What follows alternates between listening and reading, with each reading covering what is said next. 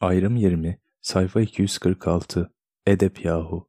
Görevimi en iyi şekilde yapmaya çalışıyor. Her sohbette hiçliğe bürünüyor. Hakikatin tecelli etmesi için yokluk elbisesini giyiniyordum. Aslında bu sohbetler dinleyenin dinleyenlere anlatmasından ibarettir. Önemli olan konuşan değil, konuşanın gönlüne söyleyendir. Ancak aslına değil de suretine bakanlar gerçek konuşanı görmez, şekilde takılı kalırlar. Sureti görüp de perdenin arkasını göremeyen nasipsizlerden biri de bir gün annesiyle sohbete geldi. Belli ki ilk gelişiydi. Hal ve hareketleri zorla geldiğini, annesini kıramadığını gösteriyordu. Tam karşıma oturdu. Hali çok rahatsız ediciydi ama ne ben ses çıkardım ne de sohbeti dinleyenler. Sadece içimden Allah'ım sen bilirsin kötü niyetlilerin şerrinden bizi koru dedim ve kendimi sohbete verdim. Dinleyenlerin mest olmuş halinden rahatsız olan genç sonunda dayanamadı. Niye hep sen konuşuyorsun? Yanındaki nur yüzlü amca senden daha bilgili görünüyor. Biraz da o konuşsa ya diyerek Mahmut babanın güzide dostlarından Celal amcayı işaret edince tabii ki konuşabilir. Celal amca buyurun siz devam edin dedim. Celal amca bir an durup düşündükten sonra müsaade isteyerek bak evladım madem ısrar ettin sana tek bir cümle söyleyeceğim. Sen şu anda hak sohbetini kestin. Çok tehlikeli bir iş yapıyorsun. Senin için çok endişeleniyorum dedi ve sustu. Sohbet kaldığı yerden başlayarak olanca güzelliğiyle akıyordu ki bulunduğu ortamdan iyice rahatsız olan genç artık dayanamadı. Annesine hadi kalk gidiyoruz burada daha fazla kalınmaz dedi kapıya yöneldi. Annesi benden özür dileyerek ayağa kalktı ve birlikte oradan ayrıldılar. Biraz sonra aceleyle gencin annesi geri döndü ve ne olur yardım edin, ambulans çağırın, evladım, evladım diyerek feryat etti. Ayağa kalkıp durumu anlamaya çalıştığımda o gencin binadan çıktıktan sonra karşıya geçerken ayağa kaldırıma takılarak çenesini yere çarpıp kırdığını öğrendim. Hemen ambulans çağrıldı ve genç acile götürüldü. Herkes olanlara çok üzülmüştü ama ok yaydan çıkmıştı. Uçan daire eve üzgün ve keyifsiz gelmiştim. Fatma'ya sohbete müdahale eden gencin olayını anlattım. Fatma, hakkı ancak kalbi yumuşayanlar yakın olur. Kiminin kalbi bir kazayla, kimininki ise ölümcül bir hastalıkla yumuşar dedi. Sonra da üzüntümü dağıtmak için günümüzde ana baba çocuğunu istediği gibi büyütemiyor. Vermek istediklerini bir anda yok eden zararlı yayınlar, filmler var. Bunlar çocukların ahlakını bozuyor. İnsanın elinden, dua etmekten başka bir şey gelmiyor. Benim de canım sıkıldı. İstersen Ali abilere gidelim diye ilave etti. Yemekten sonra arabaya binerek Demet evlerden yola çıktık. Fatma, Sinem ve Mehmet'le Beştepe'de oturan Alilere doğru yola çıktık. Sohbet döndü dolaştı, uzaylılar konusuna geldi. Fatma, uçan daireleri bir türlü anlayamadım deyince biz de uçan daireyiz. Allah isterse bizi alır, gideceğimiz yere koyar dedim. Muhabbete dalmış giderken bir anda arabada bulunan herkesin başı döndü. Ne olduğunu anlayamadık. Bulunduğumuz yeri tanıyamıyorduk. Arabayı sağa çekip durdum. Nerede olduğumuzu anlamak için çevredeki yazıları okumaya başladım.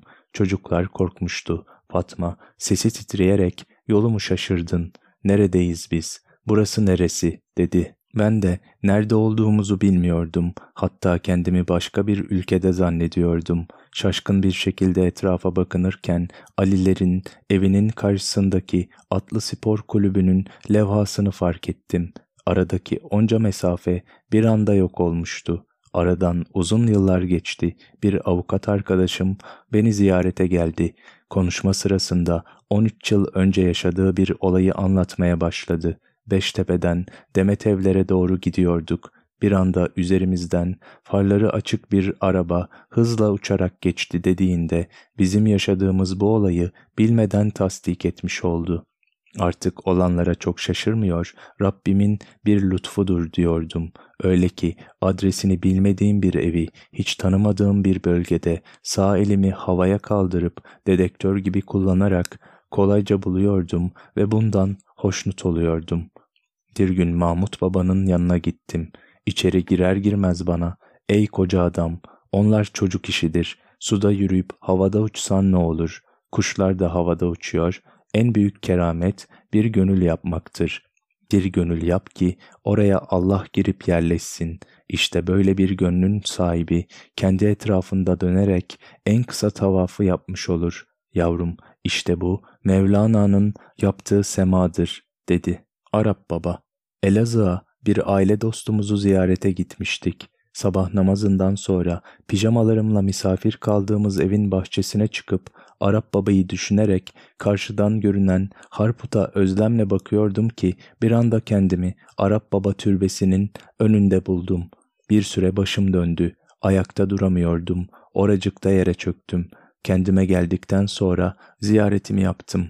Geri dönmek istediğimde birden pijamalarımla orada olduğumu, üzerimde para bulunmadığını fark ettim. Gün epeyce ilerlemiş, güneş tepeye çıkmıştı. Çok acıktığımı hissettim. Biraz ileride caminin yanında bulunan çay bahçesine doğru yürüdüm. Masaya oturduğumda garson sipariş almak için yanıma geldi. Neden pijamalarla dolaştığımı anlatmak ister gibi Arap babayı çok özlemiştim. Harput'u özlemle seyrederken birden kendimi burada buldum dedim. Bunu duyan garson elimi öperek benden dua istedikten sonra abi buralarda bu tür şeyler çok yaşanır. Sen şimdi acıkmışsındır. Sana bir şeyler ikram edeyim dedi. Bir süre sonra elinde bir somun ekmek, bir baş soğan ve bir su bardağı çayla döndü. Kusurumuza bakma, bizimkisi fakir sofrası, elimizden bu gelir dedi. Soğana bir yumruk vurup parçaladı. Ekmeği de yanına koyarak hadi afiyet olsun dedi. Büyük bir iştahla karnımı doyururken ömrümde hiç bu kadar güzel bir ziyafet sofrasına oturmadığımı düşündüm ve hayatım boyunca da Harput'ta yaptığım o kahvaltının tadını hiçbir yerde bulamadım. Sabah misafir olduğumuz evde herkes uyanıp da beni göremeyince çok endişelenmişler. Fatma, acaba başına bir şey mi geldi? Çünkü elbiseleri, cüzdanı, her şeyi burada. Pijamalarıyla bir insan nereye, nasıl gider? Yoksa bir hal yaşadı da bahçedeki kuyuya mı düştü diye ağlamaya başlamış. Bunun üzerine kuyu kontrol edilip çevre arandıktan sonra bir arkadaşım uzaktan görünen Harput'u işaret ederek gitse gitse Arap babaya gider, oraya gitmeyi çok istiyordu. En iyisi gidip orada arayalım deyince arabayla Arap babaya doğru yola çıkmışlar. Yolda Fatma sürekli ağlıyormuş. Harput'a vardıklarında sordukları kişiler tarif ettiğiniz gibi birini buralarda görmedik demişler. Biraz daha yürüdüklerinde önlerine benim bulunduğum çay bahçesi çıkmış. Orada beni görünce çok sevindiler. Harput'a nasıl gittiğimi sorduklarında ben de bilmiyorum. Harput'u seyrederken kendimi burada buldum dedim. Babam nerede? Bir taraftan olgunlaşmak için gayret ederek maneviyatımı geliştiriyor, diğer taraftan da iş hayatımda çok çalışarak veren el, alan elden üstündür düşüncesiyle kazandıklarımın bir kısmıyla da fakir insanlara yardım ediyordum. İşlerini ve ailesini mana yolunda ilerleyeceğim diye ihmal eden insanlardan Allah razı olmaz. Hak yolundaki insanın dünya ve ahiret için dengeli bir şekilde yaşaması gerekir diye düşünüyordum. İş için Anamur'a giderken birlikte vakit geçirip manevi paylaşımlarımı arttırmak niyetiyle oğlum Mehmet'i de yanıma aldım.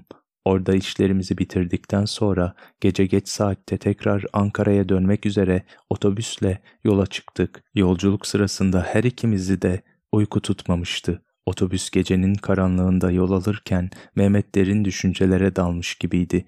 Birdenbire uzun zamandır sormak isteyip de soramadığı bir soruyu dönüp bana sordu. Baba, herkes senin özel biri olduğunu söylüyor. Her konuyu sana danışıyor. Sohbetlerini hayranlık ve zevkle dinliyor. Senin etrafından ayrılmıyor. Peki, ben neden seni onların gördüğü gibi göremiyorum? Bu soruyu sorarak sırtından büyük bir yük inmiş gibi ferahladı. Ben de, yavrum, en çok sizlerin hakikati görmesini isterim. Benim için en büyük ızdırap, evlatlarımın ve yakınlarımın maneviyattan uzak kalmasıdır. Dua edelim, Allah'ım sana da göstersin. Sen çocukluğundan beri maneviyatın içindesin. Ben bilmediğim bazı manevi haberleri küçüklüğünde senden duydum. dedim. Biraz sonra Mehmet'e gökyüzüne bak ne görüyorsun diye sordum. Ben cam kenarında oturduğum için Mehmet uzanarak benim arkamdan perdeyi araladı ve gökyüzüne baktı. Parlak, tek bir yıldız görüyorum dedi. Gülümseyerek, peki orada kocaman bir dolunay var, onu görmüyor musun deyince Mehmet, e tabi aslında onu da görüyorum ama onu her zaman gördüğüm için fark etmedim diye cevap verdi. Sonra benim o ana kadar camdan dışarı hiç bakmadığımı fark ederek baba ama sen hiç dışarı bakmadın, gökyüzündeki ayı nereden gördün? dedikten sonra hayretle yüzüme bakmaya başladı ve dehşetle siz kimsiniz, babam nerede, babamı istiyorum diye ağlarken ben de buradayım oğlum, sakin ol diye hafifçe yanağına vurup onu uyardım. Daha sonra Mehmet gözlerini olabildiğine açarak sakın bir daha bir yere gitme baba, beni bırakma yoksa deli olurum diyerek bana sarıldı. Nedenini bilmeden söylediğim bu tür sözler ve davranışlar aslında bilmeden bildiklerimin bir ifadesiydi. Yunus'um, her sene Eskişehir'in Miyalitçik ilçesine bağlı Yunus Emre köyünde Yunus Emre'yi anma törenleri düzenleniyordu. Arkadaşlarla bir otobüs tutarak törene katılmak üzere yola çıktık. Yunus Emre köyüne vardığımızda her taraf yemyeşil, hava güneşli ve sıcaktı. İnsanlar bölük bölük törenin yapılacağı alana doğru yürüyorlardı. Biz de kalabalığa katılarak Yunus Emre'yi kabrinde ziyaret edip ağaçların altında gölgelik bir yerde dinlenirken yanımızda getirdiğimiz yiyecekleri yemeye başladık. Daha sonra tören başladı. Sazlar çalınıyor, şiirler okunuyordu. Dualar edilirken aklıma Yunus Emre'nin şu beyti geldi. Yunus öldü diye sala verirler. Ölen bedenmiş, aşıklar ölmez. İçimden devamlı bunu tekrarlarken madem ki ölmedin, neredesin koca Yunus'um diyerek arkadaşlardan ayrıldım. Tören meydanındaki insanların arasında Yunus'u aramaya başladım. Aramaktan yorgun düşüp bulamayınca oturduğum yere geri döndüm. Kendi kendime o seni bulmazsa sen onu bulamazsın diye düşünürken ağzımdan şu sözler döküldü. Bir gönül Yunus'u arıyordu, bulacak. Yunus da o gönlü arıyordu, konacak. Bu sözlerin sonunda ayağa kalktım. Sen beni bulmazsan ben seni nasıl bulayım dediğim anda aniden o ana kadar varlığını bile hissetmediğim birisi yanıma geldi. Bana sarılarak geldim Yunus'um dedi. Ben Yunus'um mu dedi yoksa benim Yunus'um mu dedi anlayamadım. Ama hangi manada olursa olsun diye düşünerek ben de ona sıkıca sarılıp hoş geldin Yunus'um dedim.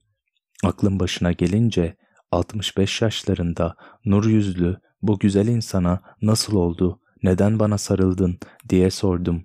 O da önceki gece rüyamda Yunus'u sizin şeklinizde gördüm. Bana törenlere gel seninle görüşelim dedi. Demek ki böyle görüşülüyormuş diye açıkladı. Tören bittiğinde bu güzel insandan ayrılmak oldukça zor gelse de hoşça kal Yunus'um diyerek birbirimize sarılıp vedalaştık.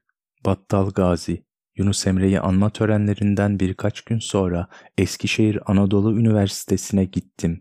Oradaki dostlarımı ziyaret edip bir taksiye bindim. Şehir merkezine giderken Seyit Gazi 42 kilometre yazan trafik levhasını gördüm ve taksi sürücüsüyle aramızda şöyle bir konuşma geçti. Seyit Gazi, buraya 42 kilometre mi? Evet efendim, gitmeyi mi düşünüyorsunuz? Yakınmış, Battal Gazi'yi ziyaret etmeyi düşünüyorum. Abi, siz Alevi misiniz?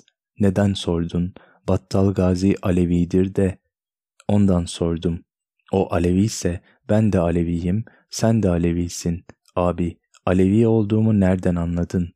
Soruşundan anladım. Alevilik ne demektir? Hazreti Ali'yi anlamak, yolunda gitmektir.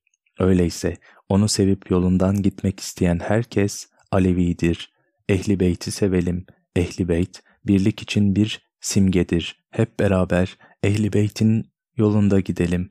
Kimi ehli beyttenim der, yolundan gitmez. Kimi bilmeden yolundan gider, ehli beyt deyince gelmez.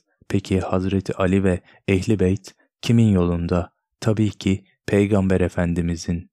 Muhammed'imizin yolunda değil mi? O zaman bu ayrılık niye? Sonuçta hepimiz Müslümanız, Muhammediyiz. Abi ben senin gibi değerlendirip senin gibi konuşan insan görmedim. Sanki Yunus Emre gibi konuşuyorsun dedi. Duygulanıp ağladı. Gitmek istediğim yere gelince ismi Aydın olan bu sürücü de benimle Battal Gazi'ye gelmek istediğini söyledi. Ertesi gün Battal Gazi'ye gitmek üzere sözleşerek ayrıldık. Sabah otobüse bindiğimizde sanki iki can yoldaşı olmuştuk. Yolda Yunus Emre'yi anıp Kaan'ıyla Hacı Bektaş Veli'ye gidişini yad ettik. Otobüste kırları, ovaları seyrederek giderken ona Yunus Emre, Hacı Bektaş Veli'ye eli boş gitmemek için kırlardan alıç toplayıp götürmüş. Dergaha varınca görüşmek için üç gün beklemiş. Kolay değil, hünkârın huzuruna hemen çıkıvermek. Oradakiler Yunus Emre'yi huzura çıkmak için hazırlamışlar. Farkında olmadan huzura çıkması neye yarar? Milyonlarca insan günde beş defa Allah'ın huzuruna çıkıyor ama farkında değil.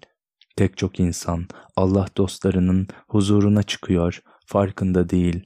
Allah insana elini o dostlarıyla uzatır diye anlatıyordum ki uzaktan Seyit Gazi göründü. Yüksek bir tepenin üzerinde muhkem bir kale gibi görünen yer Battal Gazi'nin türbesiydi. Otobüsten inip birkaç dakika yürüdükten sonra türbe alanına girdik. Battal Gazi'nin uzun bir kabri vardı. Türbeyi görünce aklıma Mahmut babamın anlattığı bir olay geldi.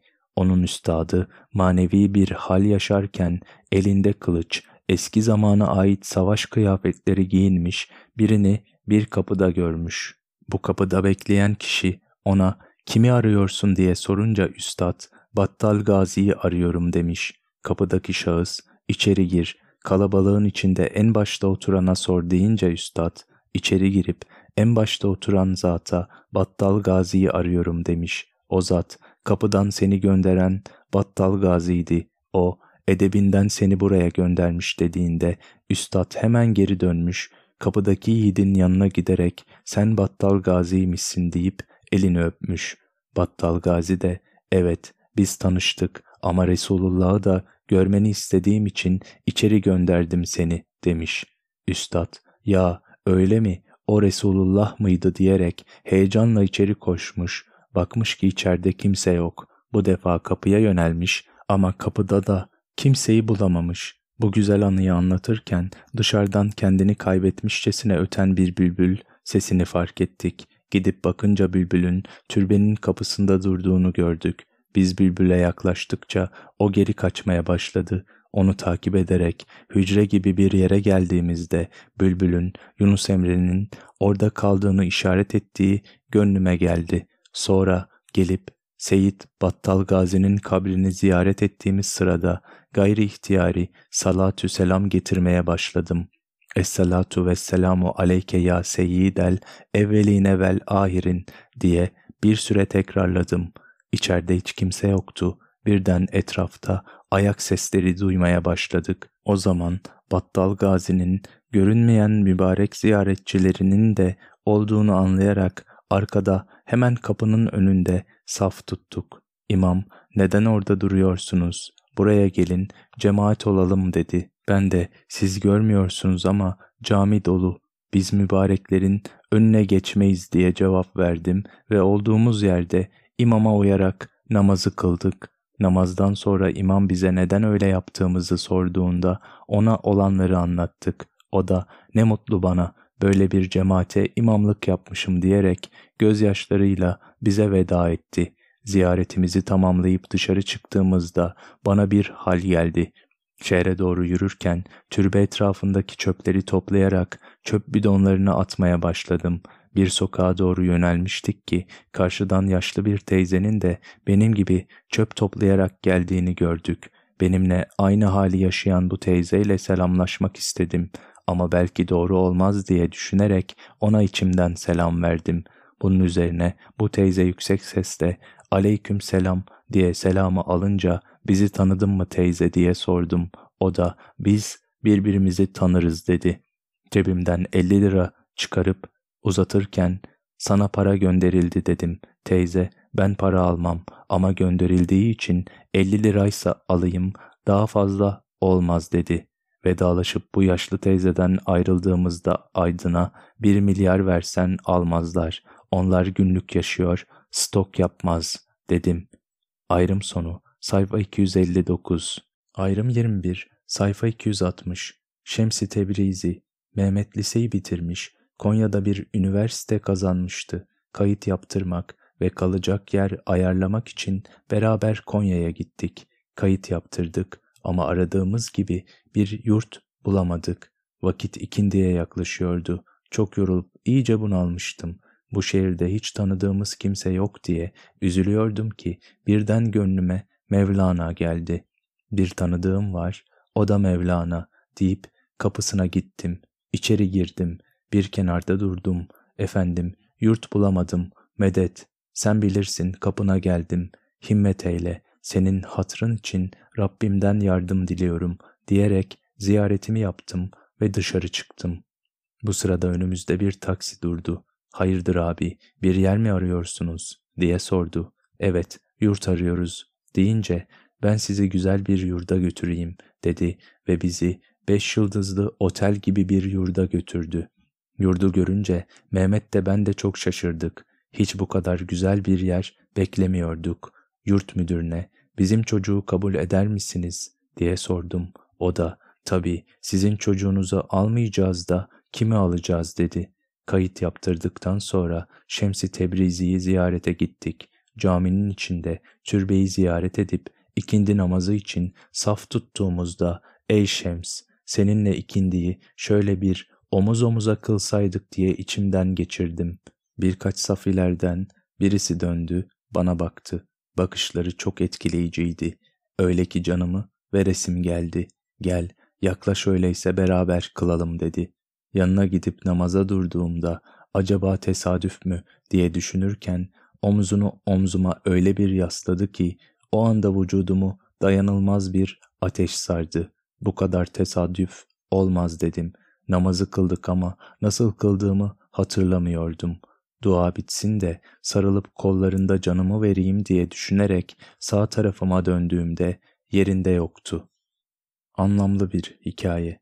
Karadeniz'in şirin bir ilinde gençlik yıllarımda aynı evde beraber kaldığım arkadaşım Kaan'la Ünsal adında bir beyefendi beni ziyarete geldiler. Öğlen vakti gelince kendilerini yemeğe davet ettim ve birlikte bize yakın olan güzel bir dönerciye gittik. Kaan'ın yanındaki Ünsal Bey dönercide yemek istemedi. Çünkü o öğlenleri alkol alıyormuş.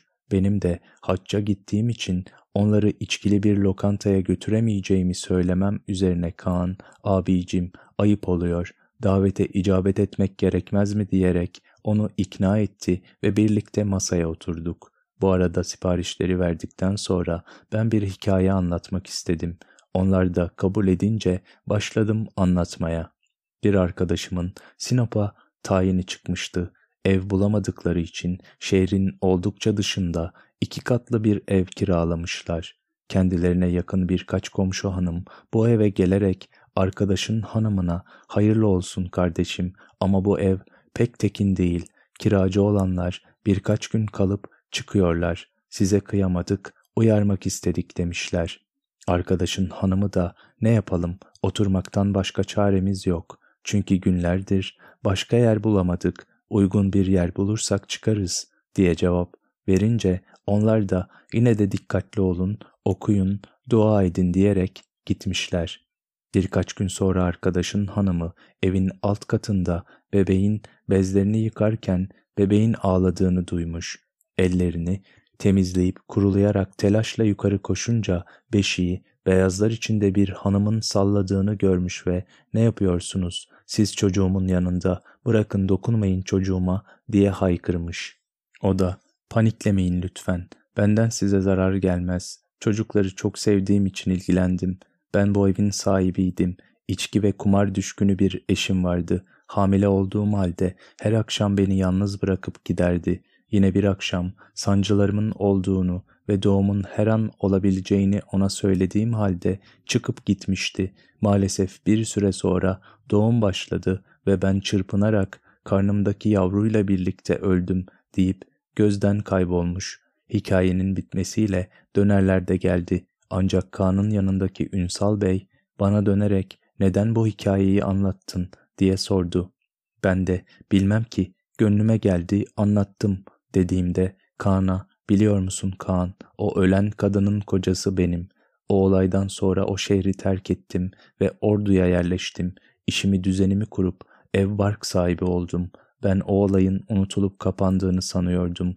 Gördün mü yine karşıma çıktı dedikten sonra anlatmaya devam etti. Aradan beş sene geçmişti. Gidip mezarını yaptırmak için açtırdığımda onun bedeninin hiç çürümeden durduğunu gördüm. Kaan duyduklarına inanamıyordu. Kimse bu halde yemek yiyemedi. Bir iki lokma aldıktan sonra lokantadan birlikte ayrıldık. Daha sonra arkadaşımdan bu şahsın yol boyunca Kaan'a olanları detaylarıyla anlattığını, çok pişman olup tövbe ettiğini, namaza başlayıp hacca gittiğini, kutsal beldelerde güzel haller yaşayarak döndükten sonra vefat ettiğini duydum. Eli yanan hanım, Bursa'ya gittiğimizde bir arkadaşımız bizi evlerine davet etti. Evlerinde bizi ziyarete gelen diğer arkadaşlarımızla birlikte evin salonunu dolduracak kadar bir topluluk oluşmuştu. Sohbet başladı. Ben sohbete devam ederken evin sahibi hanımefendi dışarı çıktı. Az sonra tekrar gelip oturduğunda gözleri biraz yaşlıydı. Elini de saklar gibi arkasına koymuştu. Bu hali bana biraz garip geldi ama üzerinde durmadım ve sohbete devam ettim. Ben devam ettikçe o karşımda ağlıyordu. O ağladıkça ben de içimden Allah Allah ne kadar çok etkilendi sohbetten, nasıl da ağlıyor dedim. O arada oğlu kapıdan içeri girdi ve anne hadi gidiyoruz ambulans geldi dedi. Ne ambulansı diye sorduğumda annemin eli yandı biraz önce onu hastaneye götürüyoruz dedi. Ben de nasıl yandı diye sordum. O da annem sohbeti dinlerken kafası çok dalmış ve bu dalgınlık sonucunda çayı demliyorum diye kaynayan çaydanlığa çayla beraber elini de sokmuş. Eli feci bir şekilde yandı. Bu nedenle şimdi biz acile gidiyoruz diye olayı açıkladı. Oğlunun konuşması bitince annesi ya evet benim elim yanmıştı değil mi dedi. Elini arkasından çıkardığında elinde hiçbir yanık izi yoktu. Halbuki eli su toplayıp somun gibi şişmiş. Orada bulunan herkes bu duruma çok şaşırdı ve hayret etti. Doktor, her zamanki gibi Mahmut Baba'ya gittiğim bir gündü. Yanında misafirleri oturuyordu. Ben de gittim, elini öptüm ve yerime oturdum. Biraz sonra içeriye, sonradan öğrendiğime göre doktor olan bir hanımefendi geldi. Mahmut Baba ona beni göstererek, bak kız, bu da iyi bir cerrahtır, tanışın dedi. Mahmut Baba bunu söyleyince o doktor hanım bana döndü ve nerede doktorsunuz, üniversitede mi, hastanede mi dedi. Ben de İrfan Üniversitesi'nde doktorum deyince desene doktor değilsin o anlamda yani dedi.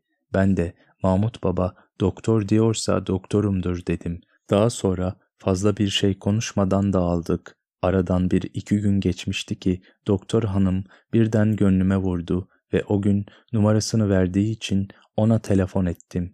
Telefonda bir arkadaşımla biz de tam sizi konuşuyorduk. Neredesiniz? Gelebilir misiniz diyerek davet etti. Muayene hanesinin yakınlarında bulunuyordum. Yanlarına uğradım. Çay içip sohbet ettikten sonra Mahmut Baba senin için doktor demişti. Nasıl oluyor senin bu doktorluğun dedi. Ben de yine o söylediyse doktorumdur dedim. O anda gönlüme gelen ilhamın desteğiyle soru sorma sırası bana gelmişti. Gel istersen sana bir check-up yapalım. Söyle bakalım doktor hanım, akciğerinin yarısını nerede aldırdın diye sordum. Doktor hanım bunu duyar duymaz şok oldu ve kendini tutamayıp ağlamaya başladı. Kendine gelince bu olayı eşim dahil ailemden hiç kimse bilmiyor. İhtisas için Amerika'ya gittiğimde geçirmiş olduğum enfeksiyondan dolayı aldılar. Demek sizin doktorluğunuz da böyleymiş dedi. Siz ne kadar vefasız bir evlatmışsınız. Ölüm döşeğindeki annenize her hafta gidip kabrini ziyaret edeceğinize söz verdiğiniz halde aylar geçmesine rağmen neden gitmediniz diye sordum ve hadi gidiyoruz kalkın diyerek onu alıp akşamın karanlığında kabristana götürdüm. Orada ziyaretlerimizi yapıyorken duvardan on yaşlarında bir erkek çocuğu atlayarak yanımıza geldi ve ''Teyze sen ne kadar vefasızmışsın. Aylar önce bana bu kabre baktığım takdirde okul masraflarımı ödeyeceğine dair söz verdiğin halde bir daha gelip gitmedin deyince doktor hanım çantasından cüzdanını çıkararak onun gönlünü aldı ve şimdi oldu mu yavrum bana hakkını helal et diyerek onu varına bastı. Bu duygulu anları yaşadıktan sonra geldiğimiz gibi doktor hanımın muayenehanesine geri döndük. Kolu kırılan kız. Bir gün dostlarımla iş yerimde oturuyordum. Bir arkadaşımız ve eşi, beraberlerinde eşinin yeğeni olan genç bir hanımla geldiler. Eşi, İrfan abi, bu benim yeğenim. Giresun'dan geldi. Daha evvel kırılan koluna platin konulmadığından kemiği kaynamamış. Ameliyatla kolun o kısmını kesecekler ve kalçadan kemik alıp yerleştirecekler dedi. Bu arada kızcağız ağlamaya başladı. Sonra gayri ihtiyari ayağa kalktım ve onun kolundan tutup gel kız Allah'a güven kurtul şu işten dedim. O da güvenirim tabii kurban olayım ben Allah'ıma deyip bir süre öyle kaldıktan sonra yanıyorum kolum çok yandı abi diye bağırdı. Kolunu bıraktığımda kırık yerin kaynağını hayretler içinde gördük.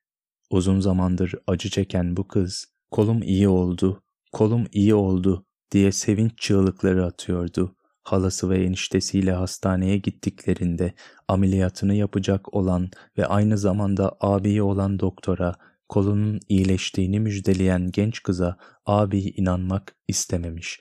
Ben öyle hurafelere inanmam.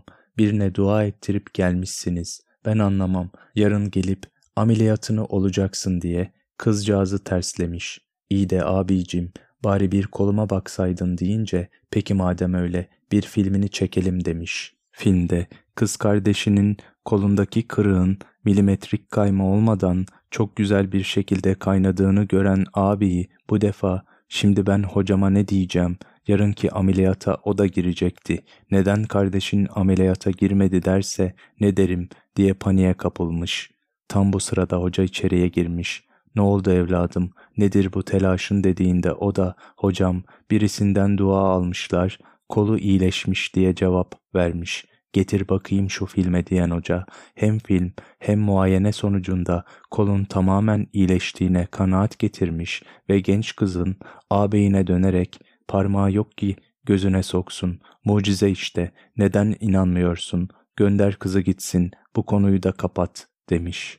Keramet arayan genç Yine bir sohbet sırasında Antalya'da bir genç, ben tasavvuf kitaplarının hepsini okudum yuttum. Ben olağanüstü bir olay yaşamak istiyorum. Bana onu göster. Nerede, kiminle yaşarım? Sen ondan bahset dedi.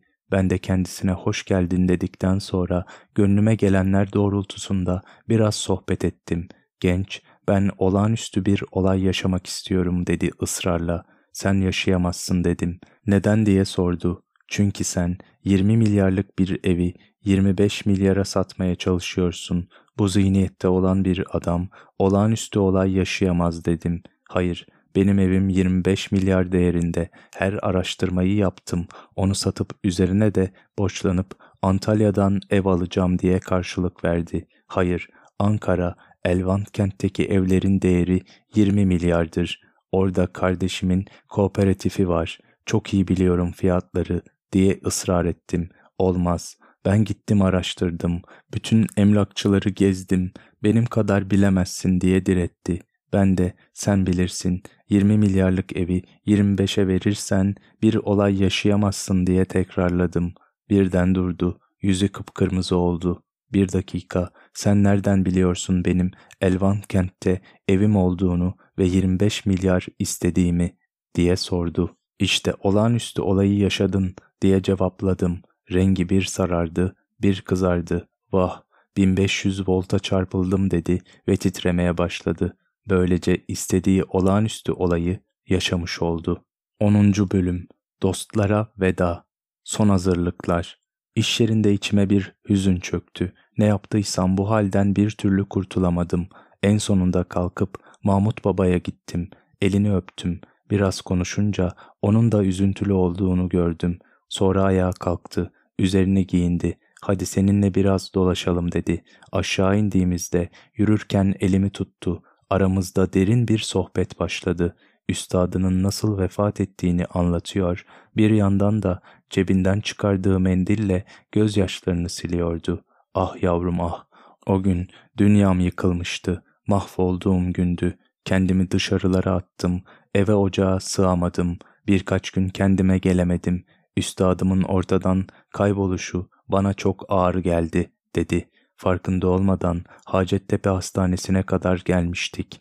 Gel, burada mübarek zatların türbeleri var dedi.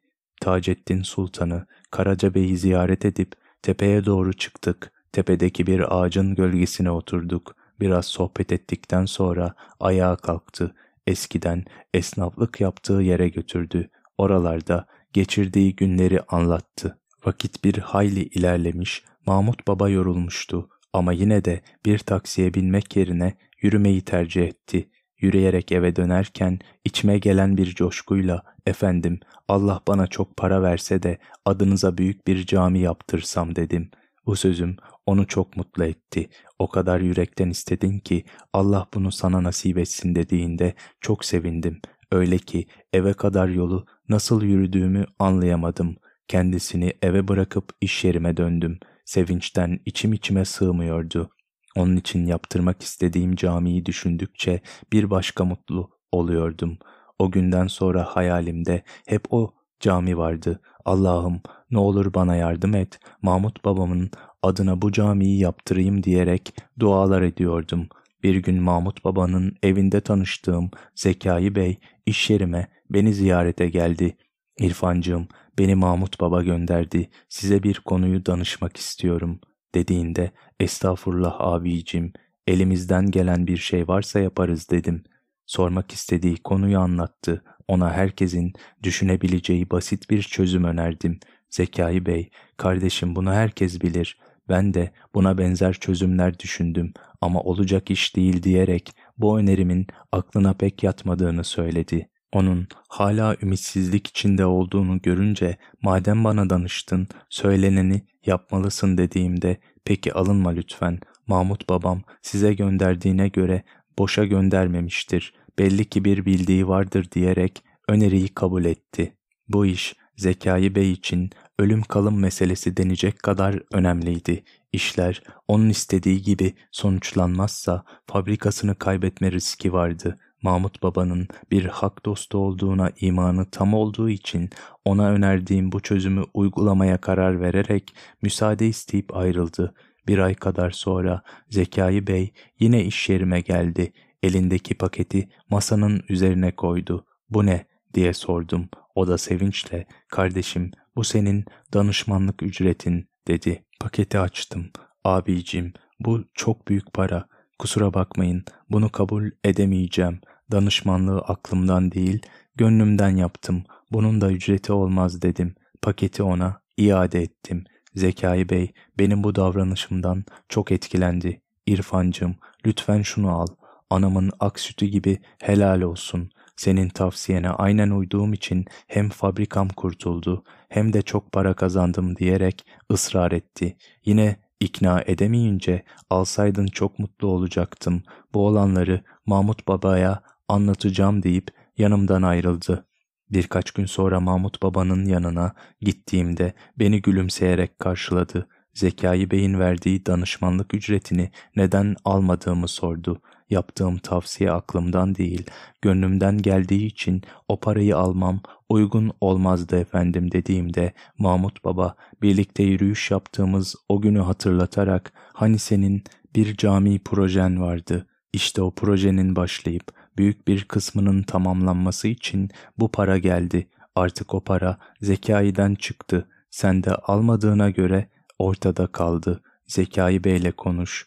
Uygun görürse o parayla cami inşaatına başlayın deyince sanki bir hazine bulmuş gibi sevindim. Heyecanla iş yerime geldim. Zekai Bey'i arayarak durumu ona anlattığımda o da çok mutlu oldu. İrfancığım, hiç gecikmeden derhal başlayalım öyleyse. Yarın sana geleyim, ne yapacağımızı detaylarıyla konuşalım dedi. Ertesi gün onunla buluşup caminin nasıl yapılacağını planladıktan sonra Mahmut Baba'ya gidip durumu anlattık. Mahmut Baba duyduklarından çok memnun oldu. Orada bulunan Memduh Bey'i de bizimle çalışması için görevlendirdikten sonra hadi bakayım göreyim sizi bu camiyi şimdi üçünüz en kısa zamanda tamamlayın deyip bizi uğurladı.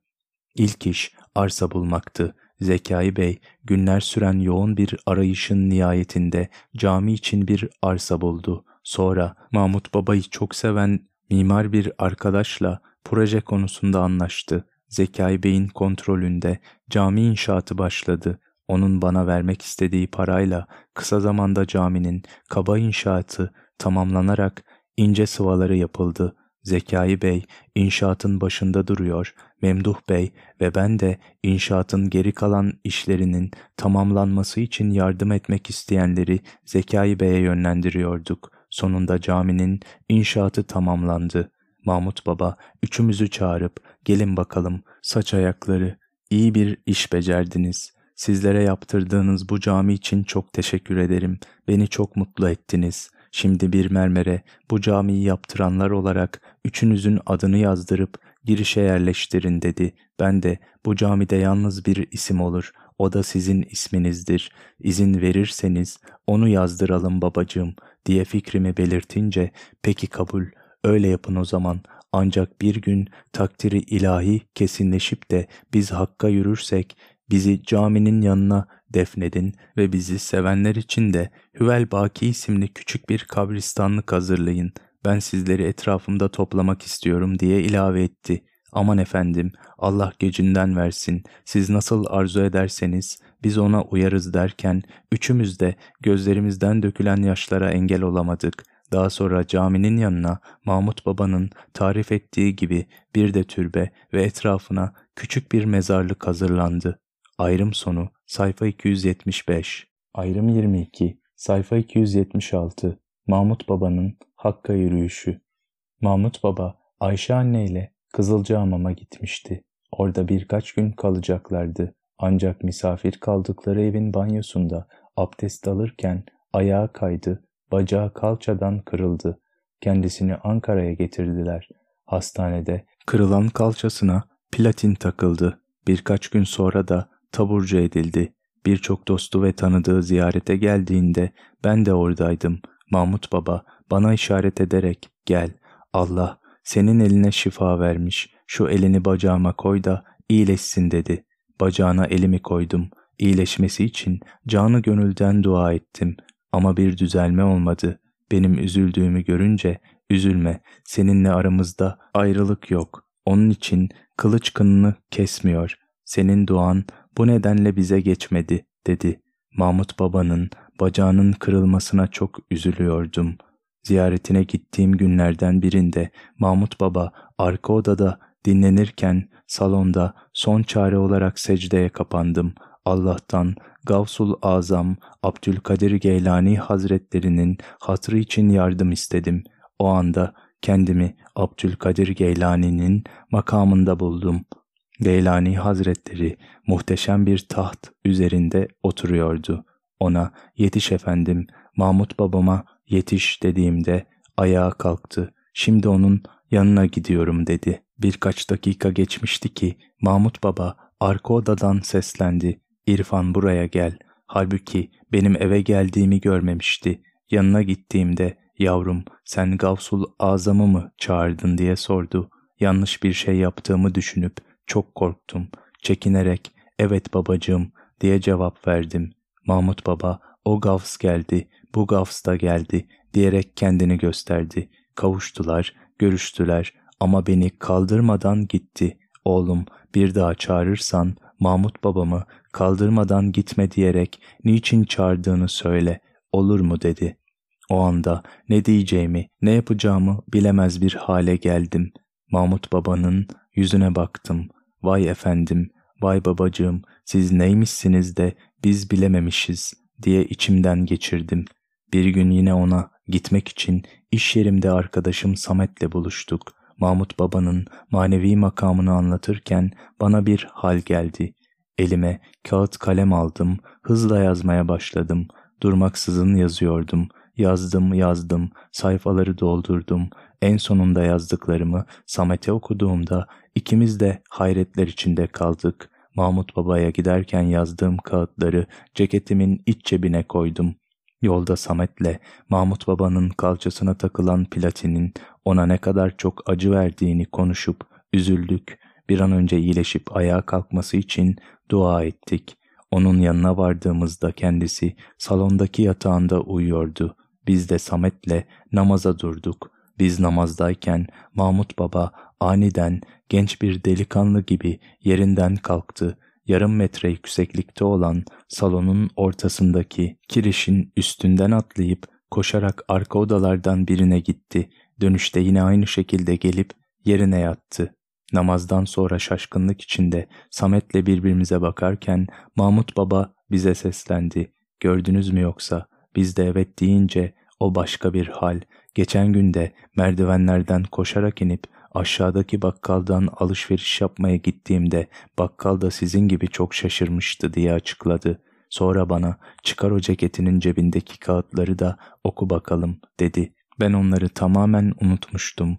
Birden hatırlayıp kağıtları çıkardım ve yazdıklarımı kendisine okudum.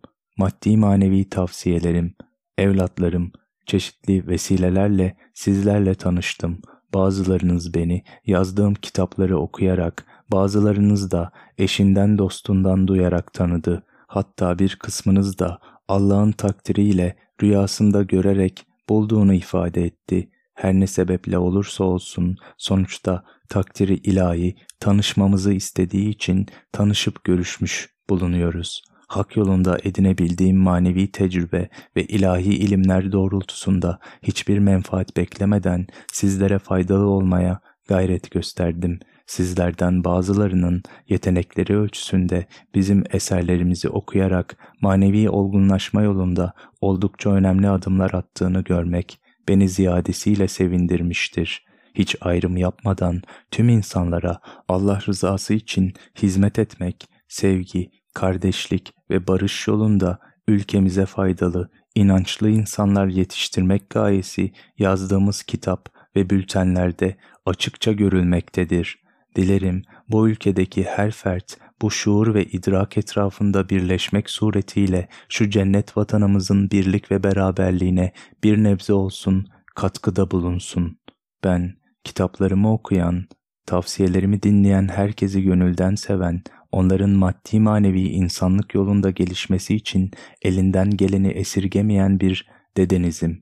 Bana yakın olan kimseler, beni dinleyen, tavsiyelerimi tutan, Allah için sevdiklerimi en çok sevenlerdir. Onlar benim fikir bahçemin yeni açan gonca gülleridir. Onlar beni Allah için sevdiler. Ben de onları Allah için çok sevdim. Allah için yetiştirdim. Allah sağlık, sıhhat verdiği sürece yetiştirmeye devam edeceğim. Yavrularım, sizler beni seviyorsanız başkalarının da Allah ve Resulünü çok sevmesine sebep olun. Bilerek veya bilmeden hakkı seveni haktan uzaklaştırmayın. Kıskançlık tuzaklarına düşerek fitneye sebep olmayın. Bunu her kim yaparsa beni çok incitmiş olur. Her konuda kusuru önce kendinizde arayın. Başkalarının kusur ve açıklarını arayarak kendinizi tatmin etmeye kalkışmayın. İslam'ın beş, imanın altı şartını yerine getirerek Resulullah'ın sünnetlerine sıkıca bağlanın. Allah'ın emirlerine hassasiyetle uyarak yasakladıklarından titizlikle uzaklaşın. İnandığınız gibi yaşayın, yaşadığınız gibi inanmaya kalkmayın. Bu dini kendi aklınıza göre yorumlayıp tahrip etmeyin. İslam dini bir bütündür, noksansız tamamlanmıştır. Reformla düzeltilmeye ihtiyacı yoktur. Anne ve babalarınıza iyi davranın, büyüklerinize saygılı olun, devletinize, demokrasiye ve insan haklarına yürekten bağlanın. Kanun ve nizamlara uyun, gençlere sahip çıkın, doğru yolda yetişmelerine yardımcı olun. İmanınızı güçlendirin, işinizde başarılı olun, eşinizle iyi geçinin, çocuklarınıza şefkatli davranıp Onları vatana millete faydalı olacak şekilde yetiştirin. Nefsinizi şehvet ve menfaatin esaretinden kurtarıp ruhun kutsal hakimiyetine sokarak Rabbinizden gelen faydalı ilhamlara gönül kulağınızı açık tutun. Edep, insanın ziynetidir. Edepli olun. Herkese anlayışla davranın, gönül kırmayın. Dertlilerin derdine ortak olup hasta ve yoksullara yardım edin. Acizlere sahip çıkın. Vakıflar ve yardım dernekleri kurarak topluma faydalı olun. Çevrenizi temiz tutun, güzel kullanın, kirletmeyin. Toplu alanlarda, ibadethanelerde başkalarını rahatsız etmeyin. Yüksek sesle konuşup etrafınızdakilerin huzurunu kaçırmayın. Büyücülük ve üfürükçülük gibi safsata olaylara itibar ederek bu işle uğraşanlardan medet ummayın. Hastaları doktorlara emanet edip sadece Allah'tan şifa dileyin. Canı gönülden yapılan duanın gücüne içtenlikle inanın. Her türlü kazadan, beladan, yaradana sığının. Allah hepinizden razı olsun. Yazdıklarımı okuyup bitirdiğimde Mahmut Baba, bunu sana biz yazdırdık, bu bizim vasiyetimizdir. Biliyorsun değil mi? Bunu bilgisayarda güzelce yazıp çoğaltarak bana getir, dedi. Vasiyetini yazdım ve ertesi gün yanına uğradım. Bana tekrar okutup dinledikten sonra kağıtları benden alıp bize üstadıyla ilgili bir anısını anlattı. Üstadını çok özlemiş. Hakka yürüdükten bir yıl sonra kabrini ziyaret için gitmiş. Aşağıdan yukarı doğru ağır adımlarla köye çıkarken kabristanlık göründüğü sırada yol kenarındaki tarlada ağaca yaslanıp oturan biri ona el sallayarak hemşeri önce gel görüşelim sonra ziyaretini yaparsın demiş. Mahmut Baba yanına gitmiş.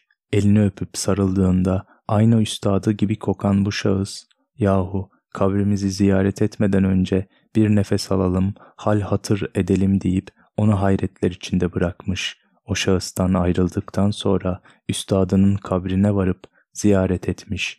Bir yıl sonra tekrar ziyarete geldiğinde aynı ağacın altında bir başka kimse kendisini karşılamış ve aynı olayları tekrar yaşamış. Mahmut Baba bunları anlattıktan sonra hadi sizi göndereyim diyerek bizi yolcu etti. O gün neden bunları anlattığına bir anlam veremedim.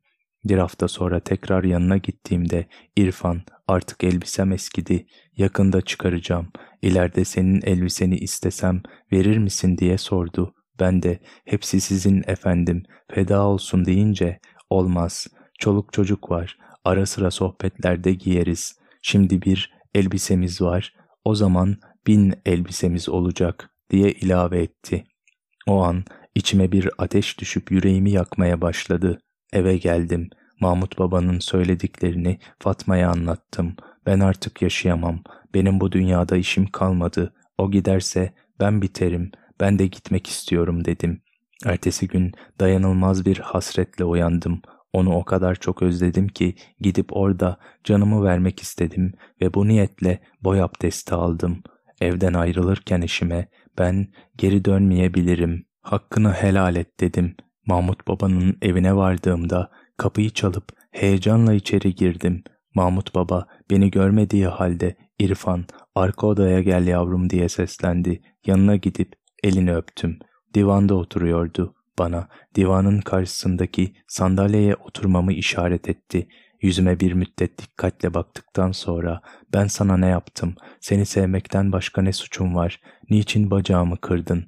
Neden beni yatırıyorsun? Vakti geldiyse al beni, vakti gelmediyse kaldır ayağa, hizmet edeyim dedi.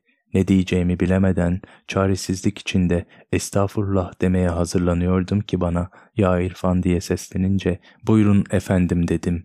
İşte böyle biliyorsun ben sana demedim gören gözüne bakıp duyan kulağına söyledim. Hak bugün de senin gören gözün, duyan kulağın olmuş yavrum. Unutma, duyan duyurur, gören gösterir, duymayan, görmeyen ne verir diyerek gözlerimden öptü ve beni gönderdi. Bir sonraki günde yine elimde olmadan gönlümden çekiliyormuşçasına ona gittiğimde bu sefer de bana neden yakamı bırakmıyorsun, bırak yakamı gideyim diye çıkıştı. Şaşkınlıkla onun yüzüne ne yaptım dercesine bakıyordum ki beni bırakmıyorsun, gönlünle beni tutuyorsun, beni burada alıkoymaktan ne anlıyorsun? Bak hastayım, eziyet çekiyorum, sağlığımı kaybettim, bırak tutma beni dedi. Ben de siz gidince sizi bir daha görebilecek miyiz diye sorduğumda göreceksin aynen böyle olacağız deyip ikimizi işaret etti. Peki dokunabilecek miyim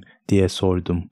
Bir elimi alıp öbür elime yapıştırarak işte böyle dokunacaksın deyince içime derin bir hüzün çöktü. O zaman Allah'ım benim yüzümden acı çekmesin, ben razıyım dediğimde hepimiz Ahmet'ten Mahmut'a, dünyadan Ukba'ya gidiyoruz. Onun adı yerde Muhammed, gökte Ahmet, Ahmet teklik demektir. Yani çokluktan tekliğe gidiyoruz. Yüce Yaradan yarattığı tüm varlıkları yaratılmışların en şereflisi olan insanın hizmetine vermiştir. İnsanı kendi suretinde yaratmış, ona bütün isimlerini öğretmiştir. İnsan, ilahi yüzlerin sonsuz çeşitliliğini sergiler. Hak dostları her bakışta başka bir cemal göstererek aşıkları mest eder. Yaradanın sıfatlarının özelliklerini görünür kılabilme yetenekleri onların makamını belirler. Bu manevi makam devamlı değişmektedir. Ancak onlar Hakk'a yürüdüklerinde sabitleşir. Ne yazık ki hak dostlarının yeryüzünde sayıları günden güne azalmaktadır. Onlar, Yaradan'ın tam olarak isim ve sıfatlarını sergileyerek bilinmesini sağlayan yegane varlıklardır. Onlar giderse kainat gereksiz olur, dağılıp yok olur diyerek kısaca hakikatin özetini yaptı. Sonraki günlerde Mahmut Baba hastalandığı ve durumu her geçen gün biraz daha ağırlaştığı için ziyaretçi kabul edilmiyordu. Yatağında ince, uzun vücudu öylece uzanıyor, birbirine yapışan dudakları konuşmasına mani oluyordu. Tanıdık tanımadık tüm doktorlar başına toplanmıştı ama yapılacak bir şey yoktu. Dua ederek Rabbime yalvarırken Mahmut Baba gözünü açıp beni karşısında görünce güçlükle İrfan diyebildi ve eliyle yanına yaklaşmamı işaret etti. Yaklaştığımda yazlığa gitmiyor musun diye sordu. Henüz düşünmüyorum efendim diye cevap verdim. O da gidin oraları hep size verdim. Sırrım saklı da parantez içinde sarımsaklı su deposuna çıkıp etrafı benim için seyredin. O su deposuna giden yolda bir çamlık var. Ben orada çok tefekkür ediyordum. Beni orada anmayı unutmayın dedi. Gözünden birkaç damla yaş süzüldü. Bana tekrar sen bana bakma oğlum. Havalar güzel. Çocukları al, yazlığa götür. Tatil yapsınlar, mahrum olmasınlar diye ilave etti. Efendim, sizi böyle bırakamam, gidemem deyince bana kendinden beklenmeyecek kadar sert bir sesle sen dediğimi yap, ileride görüşürüz dedi. Onun sözüne itiraz etmemek için ailemi alıp Ayvalık'taki yazlık eve gittik ama içim hiç huzurlu değildi. Birkaç gün sonra sabaha karşı saat üç gibi derin uykudayken telefonun acı sesiyle nasıl kalktığımı bilemedim. Bir solukta telefonu açtığımda telefondaki kişi ağlamaklı bir sesle Mahmut Baba diyebildi. Bu sözü duyar duymaz bacaklarımda derman kalmadı. Mahmut babam canım benim dedim. Olduğum yere yığılıp kaldım. O anda karanlıkların içinden bana doğru yaklaşan bir ışık gördüm. Işık karşımda durunca o yüzünden nurlar saçan kişinin Abdülkadir Geylani olduğunu anladım ve ona sarıldım. Geylani Hazretleri başımı okşadı. O ölmedi. Merak etme. Sevgiliye kavuşup huslat etti, dedi. Kendime geldiğimde başucumda Fatma ve çocukların ağlaştıklarını görünce az önce yaşadığım hali anlatmaya çalıştım ama başaramadım. Parmağımı dahi kıpırdatacak halim yoktu. Bütün vücudumun kanı çekilmiş gibiydi. Gözlerimi tekrar kapatıp derin bir nefes aldım. Fatma bir taraftan ağlıyor, diğer taraftan da İrfan, İrfan ne olur biraz topla kendini. Çocuklar korktu. Hadi azıcık şu sudan iç ne olur diyordu. Doğru söylüyordu Fatma. Bir an önce cenaze için yola çıkmalıydık. Kendimi biraz toparlayınca hazırlanıp yola çıktık. Nasıl biterdi? Yüzlerce kilometre. Arabanın gazına bastım. Hızını hiç düşürmedim. Aslında hiç sevmezdim arabayı hızlı kullanmayı ama mecburdum. Yol boyunca kimseden çıt çıkmıyor. Yol sanki uzadıkça uzuyordu. Mehmet, oh Ankara'ya 90 kilometre kalmış dediğinde arabayı yol kenarındaki bir benzinliğe çektim ve Memduh Bey'i arayarak öğlen kıldırılacak olan cenazeye yetişeceğimi bildirdim. Tekrar yola koyulduktan yarım saat sonra Memduh Bey beni arayarak cenazenin öğlen namazı beklenmeden kaldırıldığını bildirdi. Bu haberi alır almaz durdum ve direksiyona kapandım.